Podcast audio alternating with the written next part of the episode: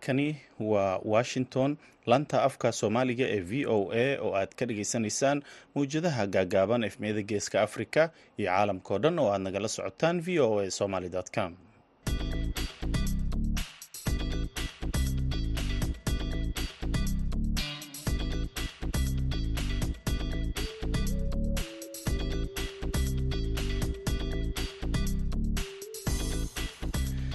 duhur wanaagsan dhegaystayaal.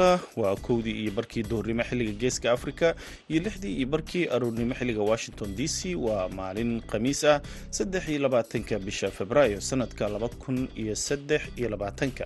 Idaacadda duhurnimo ee barnaamijka dhallinyarada maantana waxaa idinla socodsiinaya anigoo ah cabdulqaadir maxamed mursal samakaab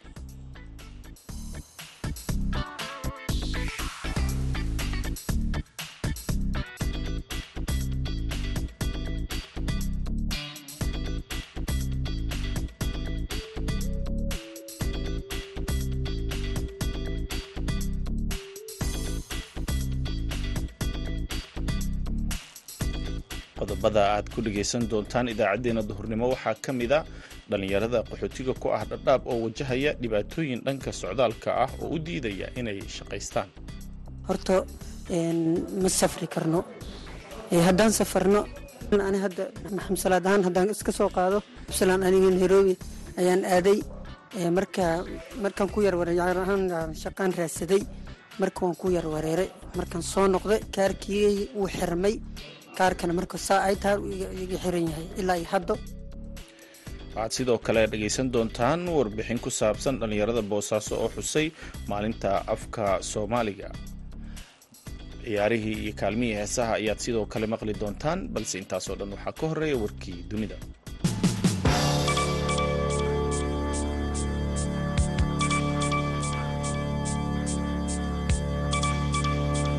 kusimaha wasiirka ganacsiga ee afghanistan ayaa sheegay in maamulka taalibaan ee afghanistan ka dhisan ay isbahaysi la sameeyeen shirkado ay ku midaysan yihiin ruushka iiraan iyo bakistan si ay u dejiyaan qorshe maalgashi oo diiradda lagu saarayo tamarta macdanta iyo kaabayaasha dhaqaalaha nuurdiin casiizi ayaa arbacadii wakaalada wararka ee reuters u sheegay in dalladan ay ku jiraan afar iyo toban ganacsato afghanistan ah.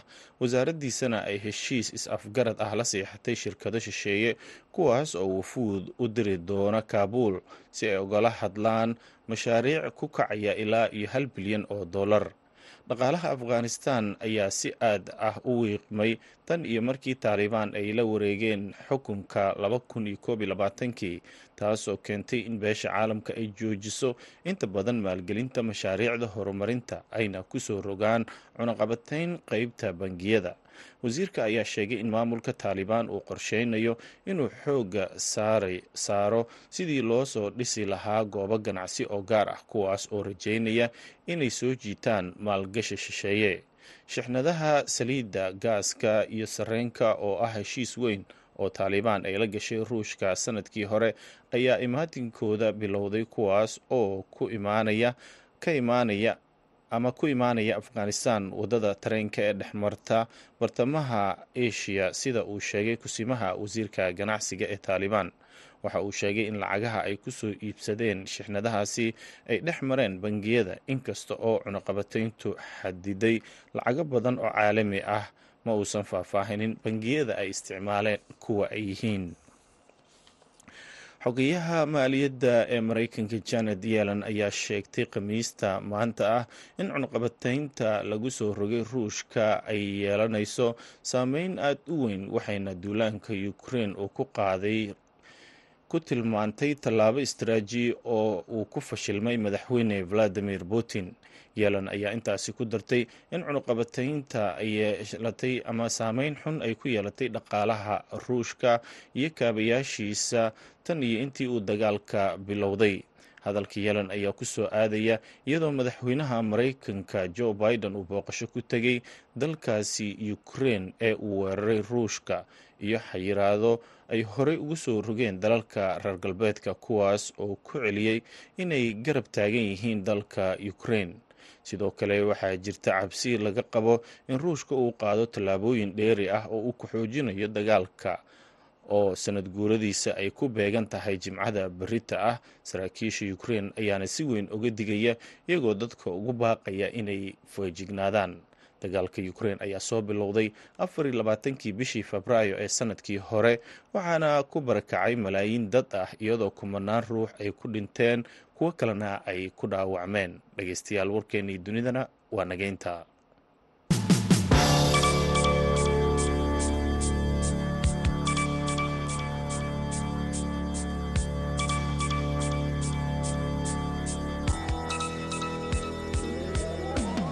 halka aad warkaasi ka dhageysanayseen waa idaacadda v o a oo idinkaga imaaneysa washington. Aan ku bilownay dhalinyarada qaxootiga ku ah xeryaha dhadhaab ee dalka kenya oo dhibaatooyin ku qabay dhanka socdaalka ee gudaha dalkaasi ayaa dowladda ka codsaday in loo fududeeyo arrimaha sharciga socdaalka si ay fursado shaqo uga raadsadaan gudaha dalkaasi wariyaha v o eda cabdisalaan salas ayaa warbixintan dhadhaab ka soo diray.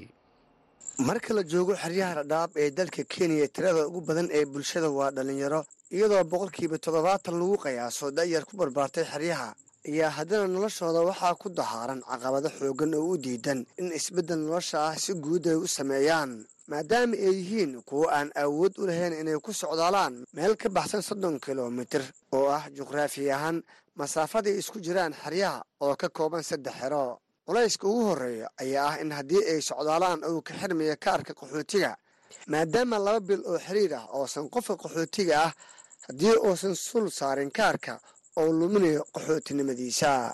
Anigoo maxamed salaad cali ali dhahaa oo ku barbaaray dhallinyarada qaxootiga. Niyow absalaana waa mahadsantahay walaale bahada v o a dhammaantiin waa idin salaamaya marka hore niyow aqabadda anaga dhallinyaro ahaan nagu haysata qaxootigan maadaama aan wax ku baranay qaxooti aan ku nahay oo daruufo adag aan iskaga noolnahay horta ma safri karno. Haddaan safarno ani hadda maxamed salaad ahaan haddaan iska soo qaado absalaan aniga nairobi ayaan aaday. Marka markaan ku yar ahaan shaqaan raadsaday marka waan ku yar wareeray markaan soo noqday kaarkii wuu xirmay kaarkana marka saa ay tahay iga xiran yahay. Ilaa iyo haddo hay'adihiina way joojiyeen. Marka in kaarka la furo waa la joojiyey. Marka waa niyow rafaadka uu jiraa. Waa tahay maxamed waxaad noo sheegtaa caqabadaha in idin haysato maadaama aad tihiin dad aan ka bixi karin xeryaha. Niyow waxaan la kulmay maxaa ninkii reer lahay hataa ii sheeg oo mustaqbal dhibaato xoogan ayuu leeyahay. Marka niyow marka qaxootigana shaqana ma jirto shaqa la'aan waa hay'adihiina waa wax dhaqaalo ay hayaanna ma jirto. Halihii yaray oo ii sheeg sideed sideed kun iyo waxaa laga qaadanayna waa way sii gabaabsanaysaa. Covid nneteen wixii ka dambeeyey hay'adaha dhaqaalo darre ayaa ku dhacday marka maadaama covid nneteenkii u dhacay. Fursadihii dhallinyarada ay ka heli jireenna yani way ka soo dhammaatay daa'irtan ku barbaaray xeryaha ayaa u badan aqoon-yahano ka faa'iidaystay fursadaha waxbarashada ee bilaashka ah balse waa kuwo aan fursado shaqo aan ka helin hay'adaha oo dhaqaalo xumo xoogan oo soo wajahday. Tanii markii dunida uu naafeeyey caabuqa covid sagaaliyo toban. Waxay dhalintan badankood sheegayaan inay jecel yihiin dib u noqoshada dalkooda hooyo balse weli waa kuwo u arka in siyaasad ahaan uusan xasilin magaceydu waa maxamed cabaas oo ku nool xeryaha qaxootiga dhadhaab. Dhibaatooyin badan nolosha ku haysato xeryaha qaxootiga dhadhaab. Waxaa ka mid ah ardadii bogtay laba kun toban iyo lixdii. Hadda ilaa haddana shaqo waxbaan haynin oo xaafada iska jiifo oo cun cab iska saaxa ah. Haddana haddaa isdhihi laha dalkaada hooye ku laabo dalkii hooye ma kaseeno waxaan ku dhalanay xeryaha dhadhaab aan ku dhalanay dalkii u laabo haddaa dhahdo dalkii wax aa ka gara ma haataa waalidkaa meesha ay ka soo guraha markaa way adag tahay inaan ku laabto soomaaliya haddana haddaan isdhihi lahay dalka kenya hore u gal ma geli kartid. Marka haddana haddaa dhahdo maarata waxaa tahay nin oo maarata waddan lahayn noqonaysaa.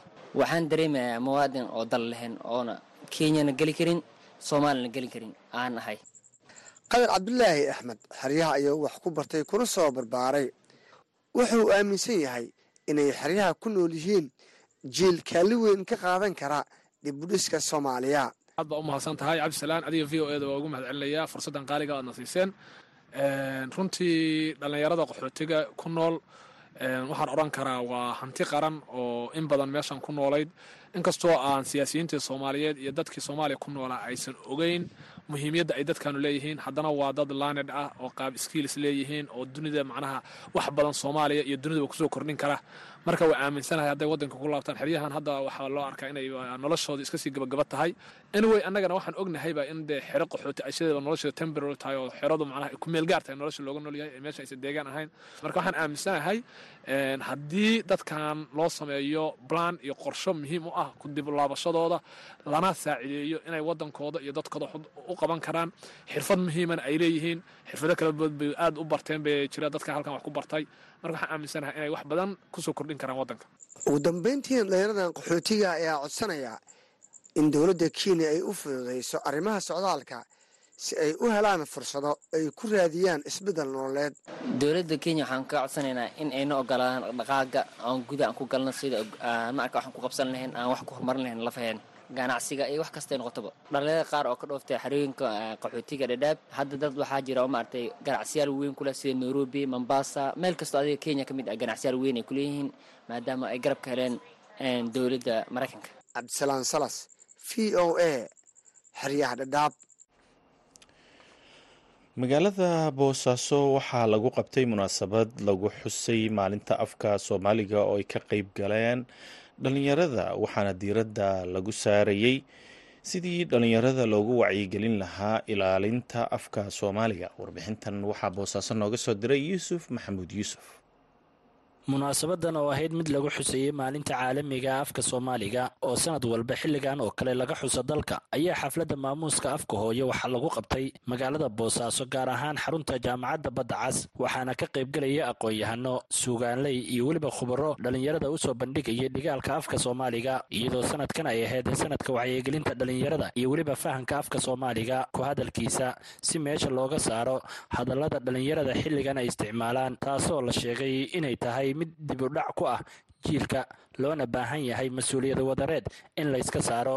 Sidii meesha looga saari lahaa waxyaabaha ka baxsan dhaqanka abwaan cabdirasaaq axmed dhegeed libaax oo ka mid a dhallinyarada hal abuur kale ee ka qaybgelaya madashan ayaan weydiiyey xuskan waxay kaga duwan tahay xusaska hore iyo weliba waxa ay dhallinyarada ka baran karaan munaasabadan waa mahadsantahay yuusufow runtii sanadkan waxaan is oran karaa sanadadii hore wuxuu ga duwan yahay baraaruga bulshada. Xuska maalintan oo amadooynu kor u kacay meelo kala duwan laga xusay magaalada boose oo kale meelo badan baa laga xusay.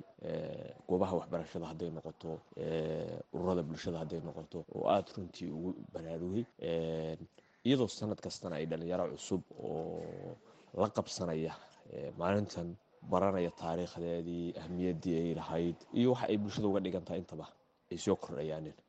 Waxyaalaha kale oo muhiimka waxaa ka mid ah in maalintan ay tahay maalin taariikhiya oo taariikhdeedii in la barto oo markasta dadka kursiga kacaya oo baranaya dhallinyarada jiilka yar lagu ababinaya ay muhiim tahay. Waxaan oran karaa dhallinyarada in sanad kasta la xuso waxay uga dhigan tahay runtii waxaan oran karaa in sanad kasta la xuso dhallinyaradu waxay ka baran karaan sidaan hore u sheegayba ahmiyadda maalintan inay kow bartaaneen taariikhdan iyo waxaweeye wixii ay taariikhdan iyo halkii ay salka ku haysay qiimaha waxay dhallinyaradu ka baran karaan taariikhdan iyo halkii ay salka ku haysay inay bartaan ahmiyadda maalintani leedahay sidaan hore u sheegnay. Qiimaha waxaweye afka iyo khudbadaha laga soo jeedinayo oo ah khudbado aada waxaweye sareeya ay bartaaneen waxaweeye waxyaalaha muhiimka u ah. Dhinaca kale sheekh cali maxamed ismaaciil oo ka mid ah culamaa udiinka magaalada boosaaso ayaa ka hadlay af soomaaliga qiimaha uu leeyahay dadka si aan u qiyaasno wakhtiga aadka u kooban af soomaaligu waxa uu ka dhigan yahay ama qiimaha uu ka dhigan yahay af soomaaligu horta wuxuu la wadaagaa luqaadka caalamku. Dadka luqadaa adeegsadaay qiimaha ay u aaminsan yihiin. Haddii la doonayo qola in la ogaado taariikhdooda ama la baadho haddii la doonayo in la ogaado mustawahooda nololeed iyo dhaqaalahooda halku joogay ama siyaasadooda ama diintooda ama caqiidadooda ama dhaqankooda waxaa la baadhaa gobayadoodii iyo luuqaday adeegsan jireen. Marka waxaad helaysaa waxay aaminsanaayeen iyo waxay luuqadoodu ka dhignayd markaasaad ogaanaysaa. Luqo waliba waxay ka dhigan tahay waa kaabaha ama waa lafdhabarta nololeed ee aqaafada ummadda iyo kaljarka iyo diinteeda iyo dhaqankeeda xambaara ee jiil waliba kaka dambeeya uu u gudbiyo wey. Luqadan soomaaliga waxaad aragtaa horta qofku markuu doonayo inuu aqoon-yahan noqdo aan ku daro qodobkaase waxaa ugu horreeya markuu doonaya luuqada inuu barto horta tiisa inuu yaqaanno nintiisii ka khaldan tahay horta tu kale ma sixi karo. Af soomaaligu waa luqaadka asaasiga ahoo qofku ama bay'adu ka bartaa ama wuxuu ka bartaa aqraanta iyo dadka uu la ciyaara iyo dadka uu la nool yahay. Wuxuu ka bartaa iclaanka iyo telefishinnada iyo idaacadaha maqruuga iyo ama iclaanka la akhriyo iyo iclaanka maxaanku idhahdayay la daawado ama kala dhegaystae masmuuca loo yaqaan. Qofka iclaanka waxbuu ka bartaa luqadiisa wuu ka bartaa. Bulshadiisana wuu ka bartaayoo luqadu ka bartaa. Aqraantiisana wuu ka bartaa inta ka horraysana aabbihii iyo hooyadii buu ka bartaa. Ugu dambayntii dhallinyarada hal abuurka leh aqoon-yahanada iyo weliba mas'uuliyiin ka socday jaamacadaha iyo iskuullada ayaa madashan ka hadlay waxayna ku dheeraadeen ahmiyadda ay u leedahay dhallinyarada af soomaaliga iyo weliba sida laga maarmaanka ay u tahay in la xoojiyo. Loo asteeyey xuska afka hooyo. Dabcan markii si la yidhaahdo xus xoogaa shareeca islaamiya waxyaabo badan ayay wixii meel loo qoondeeyey oo kolley hadal waa iska jiraa laakiin inaan uun wakhtiga ku soo qaadanno oon maalin barnaamijkaas isku xusuusinno si dadku ay u xusuustaan afkii soomaaliga ahaa ee aan dhaqanka u lahayn ee hooyadeen iyo aabbaheen ku soo hadlayeen ee awowgeen ku soo hadlayey ee nebiyullaahi aadam ku soo hadlay calayhi salaatu wasalaam. Oo aan leennahay waa af ilaa nebi aadam soo taxnaa maadaama ilaahay nebi aadam uu baray dhammaan luuqadaha ee dhammaan magacyada. Aan idhaahda dhammaan magacyada ku soo hadlayay. Magacyadu waa waxyaabaha ugu adag afka ee la barto. In shaygan magaciisa la aqoonsado oo hebel baa la yidhaahdaa waa meelaha ugu adag. Dabcan maanta caawa waxaan u fadhinaa dabcan maalin weyn. Dabcan maalin loo asteeyey afka hooyo februari maalintan caalamiga ah ee ka februari waa maalin caalamka oo dhan laga xuso islamarkaana dabcan loogu dabaaldego luuqadaha dabcan caalamka markii ugu horraysay ee dabcan la sameeyo xuskan ama dabcan la soo qabanqaabiyo qaramada midoobey unesco oo hay'ad u qaabilsan waxbarashada sayniska iyo sidoo kale dhaqanka maalintan markii ugu horraysay waxaa la yegleelay kii februari kii sidoo kale waxay noqotay maalintani maalin caalamiya oo laga xuso adduunka oo dhan. Muhiimadduna ay tahay sidii dabcan loo ilaalin lahaa luqadaha islamarkaana loo horumarin lahaa. Dabcan waxyaabihii keenay dabcan luqadaha adduunka in la horumariyo ilaa lix kun oo luqadood oo ka jira adduunka baa dabcan qaybtood wax laga baqay inay dabar go'aan. Taas marka waxay keentay dabcan in luqadihii dabcan la ilaaliyo maadaama ay luqaduhu ay yihiin ama luqaddu mar walba waxay xambaarsan tahay dhaqanka iyo sooyaalka ummada ay leedahay. Waxaan rabaa inaan caawa xoogaa ka hadlo qayb yar oo ka mida sida mudanayaashu inooga hadleen iyagu dhinaca af soomaaliga markii la yidhahdo wuxuu qaysamaa laba oo waa tix iyo tiraab. Mudanayaasha ustaad cali iyo cabdiqani waxay ka hadleen dhinacii tiraabta marka waxaan rabaa xoogaa yar inaad taariikhda dib ugu noqdo dhinaca tixda ama sooyaalka gabaygu uu ku leeyahay afka soomaaliga. Siduu ustaad cali ka dhawaajiyey gabayada soomaaliga dadkii ugu horreeyey oo laga hayo waxay ahaayeen sannadihii ilaa oo ninka ugu horreeyey oo suugaan soomaaliya laga hayo wuxuu ahaa nin wadaada wuxuuna tiriyey masafooyin sugaaneed oo waxaa la odhan jiray xaaji cabdiraxmaan fiqi khayre. Waxaa weliba nin u dhashay deegaanada puntland oo ka soo jeeda deegaanka la yidhaahdo deegaan garowga ku yaalo sinujiif la yidhaahdo agtiisa. Aagaasu ka soo jeeday. Wuxuuna noolaa kii ilaa wuxuu soomaalida ku waanin jiray masafooyin ama suugaan inuu dadka diinta ugu sheego. Yuusuf maxamuud v o e boosaaso markana dhegaystayaal waxaad ku soo dhowaataan wararkii cayaaraha maxamuud mascade oo minnesooto jooga ayaa inoo haya.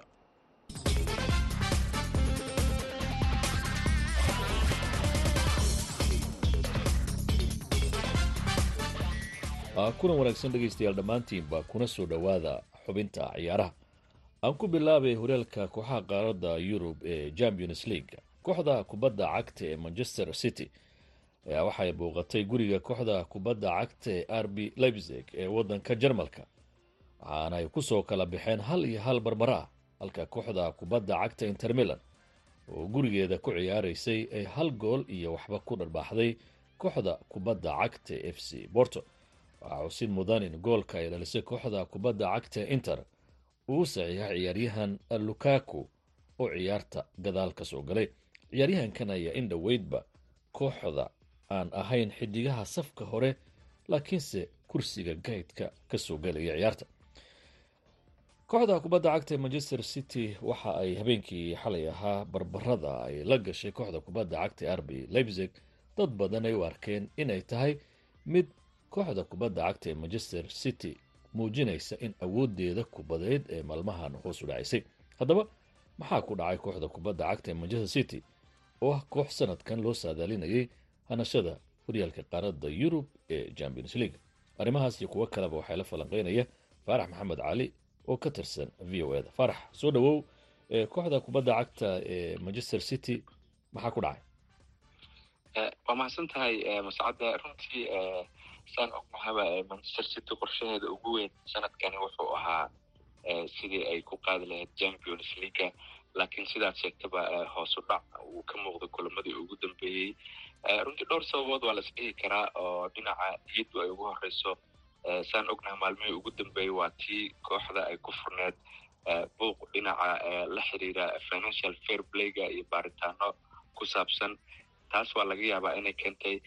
Waxaa kaloo iyaduna jirtaa in maaragtay xitaa kulamadii ugu dambeeyey oo horyaalka ingiriiska ay ay kulankii ugu dambeeyey kooxda northam forest ay barbardhac hal iyo hala la gasho kamida kooxaha ugu awoodaya horyaalka ingiriiska. Marka waxaa las dhihi karaa runtii inkastoo xalana uu kooxda ka maqnaa ciyaaryahankooda kubadda u qaabeeya kevin debroyne haddana runtii way ku fashilantay qaabkii laga filayay manchester city kulankii maaragtay rb lipsig waa ka farax laakiin dhinaca kale kooxda kubadda cagta ee manchester city markaad eegto maalmahan waxaa aada loo dareemayaa in guardiola dhinaca daafaca aanu ku soo gelin ciyaaryahano si joogto ah kooxda ugu ciyaaro. Oo isbeddel fara badan uu ku sameynayo kulan kastaba qaar cusub oo keenayo. Xataa ciyaaryahan bernardo silva inuu mararka qaar baalaha bidixda ee dhinaca difaaca ka dheelsiinayo guardiola maxaa ugu wacan in difaac la yaqaano oo uu ku xisaabtamo uu safi waayo halka mar kasta uu xidigaha isku qasayo taasoo lama oran karo lafteeda inay guuldarooyinkan iyo barbarooyinkan kooxda ay galaysa qayb ka tahay. Waa mahadsanta runtii waa qayb ka mid a maaragtay problemka iyo fashilaada ay ku socoto manchester city in aysan maaragtay ciyaartoy consistency ah ama ciyaartoy mid walba booskiisa uu ka haboon yahay markiiba uu ciyaaro. Inkastoo aan ognahay haddana in kooxda manchester city ciyaartooydeeda benjiga ugu jirta iyo kuwa caadiga ah u saftaa intuba ay maaragtay isku yihiin ciyaartooy isku heer ah. Haddana waa run kubadda cagta waxay u baahan tahay in maaragtay ciyaartooyga maaragtay booskiisa mar kasta uu ka ciyaaro uu ka sii ciyaaro. Isbebedelka badanna wuxuu keenaa kooxda in maaragtay ay dhibaatooyin la kulanto. Marka runtii qudhiisu guardiola niyadjab waa ka muujiyey kulankii maaragtay champions league rb leipzig. Iyo weliba kii ka horreeyey oo sabtidii nottingham forest ay hal iyo hal kala galeen marka runtii waa qayb ka mid a barbalemada manchester city ay wajahayso toddobaadyadii ugu dambeeyey waa gartay dhinaca kale ciyaaryahan hallan waxaa laga filayay kooxda markii uu ku soo biiray in meesha ay joogtay uu dhaafsiin doono. Inkastoo xidigu uu goolo dhalinayo haddana kulamada adag ama waaweyn waxaad arkaysaa in fursado badan uu dayacayo. Dhinaca kale kubaduhu aanay gaaraynin dhinaca hallan maxaa ka jira laftiisa? Runtii haalan inkastoo hadda qudhiis aan lagu canaanan karin inuusan goolal badan dhalin haddana waa sax in kulamada waaweyn ay ka jifto. Kulankii xaloo kale waa la isdhihi karay in maaragtay waddanka jarmalka uu ka cayaari jiro oo uu si fiican u yaqaano horyaalkiisa iyo weliba kooxihiisa kala duwan inay ahayd inuu gool dhaliyo. Laakiin dhinaca kale kevin debroyn oo runtii dhammaan goolasha uu dhaliyey haaf ka badan siiye ciyaaryahankaasna xala garoonka waa ka maqnaa marka qudhiisu way way dhinaciisa way ka jiftaa toddobaadyadii ugu dambeeyey inkastoo kulamo uu la jirana ahaanu wax badan isbedela sameynin marka laga hadlayo kulamada waaweyn ay ciyaareen. Wata farax kooxda kubadda cagta ee barcelona iyo manchester united ayaa caawa ciyaari doona lugtii labaad ee koobka ee uruba leaga laba iyo laba ay ku soo kala baxeen. Caawa guriga oo trafford ayaa lagu ciyaaraya kulanka maxaa laga filan karaa labada kooxood inay soo bandhigaan? Guushu dhankeysa aadi kartaa. Waa mahadsantay runtii waa laba kooxood oo waaweyn oo aad iyo aad qaaradda yurub caan uga ah iyo adduunka oo dhanba manchester united toddobaadyada ugu dambeeyay waxay ahayd koox on form ah gaar ahaan marka la fiiriyo ciyaartooydeeda sida rashford oo kale oo kulan kasta kulamadii ugu dambeeyay gool dhalinayay barcelona kudheedu sideed dhibcood oo nadiifaya horyaalka laliigaha ku haysaan marka waxaan is leeyahay inkastoo haddana old trafford lagu ciyaaraya haddana kooxda eric ten hang afar iyo tobankii kulan oo ugu dambeysay old trafford ku ciyaarto laba iyo toban ka mida way badisay marka dhinaca kale barcelona pressurku waa saaran yahay shafi waxa uu shalay sheegay inuu la ciyaari doono kooxda manchester united oo ah koox maaragta hadda u muuqata inay dardarteedu ay maaragtay ay sidii hore ka duwan tahay. Laakiin waxa uu sheegay in uu doonaya inuu soo celiyo sumcaddii kooxda barcelona ee qaaradda yurub ay ka lahayd. Marka runtii waa ciyaar adag oo weyn waxaan is leeyahay manchester united waxaa dhici karta inay ka faa'iidaysato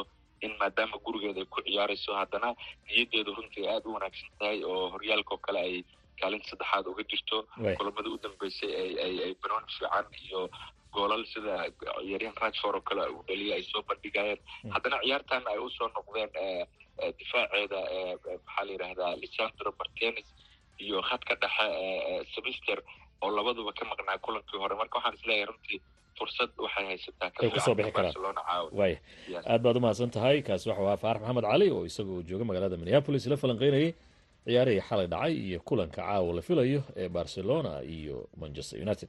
Intaa ayaan ku soo gabagabeynaya barnaamijka. Intaynu mar kale dib u kulmi doono dhegeystayaal waxaan idinku dhaafayaa sidaa iyo nabadgelyo